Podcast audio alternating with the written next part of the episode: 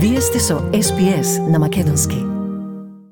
Наша обврска во првата половина од годинава е да ги започнеме преговорите за членство во ЕУ со Албанија и Македонија, порача германската министерка за надборешни работи Аналена Бербок по состанокот на собето за надборешни работи на ЕУ во понеделникот. Таа информираше дека на оваа тема имала билатерална средба со бугарската колешка Теодора Генчовска, на која двете соговорнички се согласиле дека е важно да се направи исчекор во процесот на проширувањето на Унијата.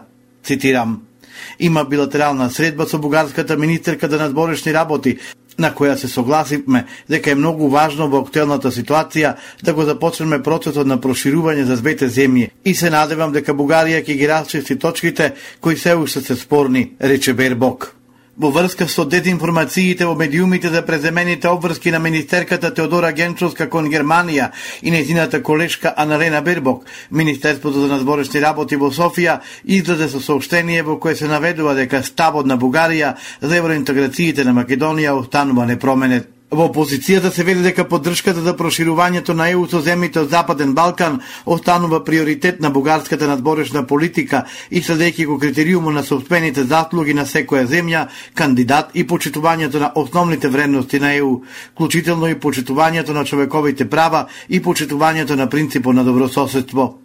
Болнов на почетокот на преговорите за членство на Македонија во ЕУ, клучно е Бугарија да постигне неповратни резултати во одржувањето добрососедски односи и добивање јасни гарантии во преговарачкиот процес на ЕУ за натамошна имплементација на договорот за добрососедство од 2017-та се вели во сообщението и се додава. Бугарија очекува уставни гаранти за почитување на правата на бугарите во Македонија, стои во сообщението од нивното Министерство за надворешни работи. Германија е против одвојување на Скопје и Тирана и покрај барањето на албанскиот премиер Еди Рама, неговата земја сама да продолжи во процесот на пристапување поради блокадата на Македонија. Германската амбасадорка во земјава, Ане Холштайн, е децидна дека и двете кандидатки до крајот на годинава треба да ги почнат преговорите. Преговорите за членство се тест за кредибилитетот на Европската Унија, рече председател на Македонија Тево Пендаровски, кој е во официјална прва посета на Црнагора. По средбите со неговиот домакин председател Мило Ѓукановиќ беше заклучено дека делат слични погледи за надминување на заедничките предизвици. Не гледам ништо спорно во изјавата на господинот Драма, само би сакал во оваа ситуација да апелирам до оние кои одлучуваат во Брисел и во главните европски градови дека на страна тоа што нема да има никакви, повторам, никакви безбедносни импликации од тоа евентуално одвојување после јуни, никакви безбедносни импликации за нас, сигурно сепак треба да помислат и во светло на најновите случувања во Украина, дека Европската Унија започна и Европската Унија ден денеска треба да биде третирана помеѓу другите аспекти и као геополитички проект и геостратешки проект. Во таа смисла, целиот регион треба да го најде своето место час поскоро во Европската унија. За председател на Црнагора, опасен преседан е спорот меѓу Македонија и Бугарија, особено што станува збор за нерешени историски билатерални прашања. Изрази надеж дека Европската унија ја научи лекцијата од Украина и дека војнина со поголем сензибилитет ќе гледа кон геополитичката важност за интеграција на Западен Балкан во ЕУ. Братаничката група на ВМРО ДПМН се уште нема одговор на барањето упатено до премиерот Димитар Ковачевски да се обрати пред Комисијата за надборешна политика во собранието и да ги сподели информациите и деталите о нацрт документите од разговорите меѓу Скопје и Софија, истакна претеникот Антонио Милошовски. Според нашите информации што ги имаме од дипломатски извори, има еден подготвен нон-пейпер кој што циркулира на релација Министерство за надворешни работи на Македонија и МНР на Бугарија, но сега за сега тој се држи во тајност и не се споделува со македонските пратеници. Инаку, како што гледаме во официјална Софија, има чести координации кај председателот Радев и нивните политичари се запознати за тоа што се разговара со Македонија. Време е Ковачевски да го покаже својот демократски капацитет, да не се плаши, да дојде пред пратениците, да покаже што има да се разговара со Бугарија. На СБС слушате вести од Македонија. Владата гукина задолжителното носење на заштитни маски во затворен простор со исклучок на здравствените установи, јавниот превоз, аптеките и домовите за возрастни лица и за лица со попреченост.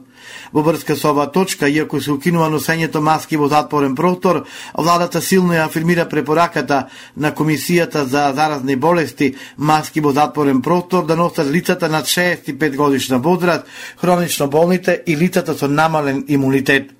Согласно препораките се укинува врската за задолжително носење на маски за време на физичката настава во средните училишта, како и забраната за организирање екскурзии и настава во природа. Премиерот Димитар Ковачевски бил примен на инфективната клиника поради болки во стомакот. Да, имаше премиерот здравствен преглед. Беше на инфективната клиника поради одредени проблеми кои што се најверојатно поради труење со храна, информира ношти министерот за внатрешни работи Оливер Спасовски за Телма. Поред негово моментов Ковачевски е дома и е во добра здравствена состојба. Безбедносни протоколи има и во секое време и во делот на исхраната, сепак вакви случаи се можни и нормални, дури и за носители на функции посочи Спасовски. Информацијата ја потврди и од владата, откаде што вела дека премиерот Димитар Ковачевски бил задржан на инфективната клиника поради болки во стомакот да нов генерален секретар на владата именуван Методија Димовски, откако од оваа должност предходно беше разрешен Мухамед Зекири. Методија Димовски на оваа должност доаѓа од инспекцијскиот совет од областта на животната средина и заштитата на здравјето на луѓето. Кривичниот совет на Одделението за да организиран криминал и корупција во Кривичниот суд Скопје, кој одлучуваше по жалбата за одредениот притвор, за екс-генералниот секретар на владата Мухамед Зекири, го потврди решението на претходна постапка, што значи дека тој останува во притвор. Експремиерот Никола Груевски и поранешниот шеф на УБК Сашо Мјалков. Жалат за одлуката на Стей Департмент од нивните имења да се најдат на проширената црна листа на стат, заради како што соопшти од американската влада мешаност во значителна корупција. И Груевски Мјалков експресно на социјалните мрежи ги отфрлија на водите од Стей Департментот како неточни информации. Груевски во објавата на Фейсбук вината ја префрли врз македонските власти, кои според него со години лобирале да дојде до тоа. Вели, иако немал никаков имот во САД, чувствувал голема неправда од работел честно за државните и националните интереси, трудејќи се да не ги загрози интересите на сојузниците на државава. И Мијалков изрази жалење на одлуката на Стей Департментот, оценувајќи дека не е исправна и оти е базирана на конструкции и дезинформации, за кои вели дека со време ќе се докажат дека се неиздржани.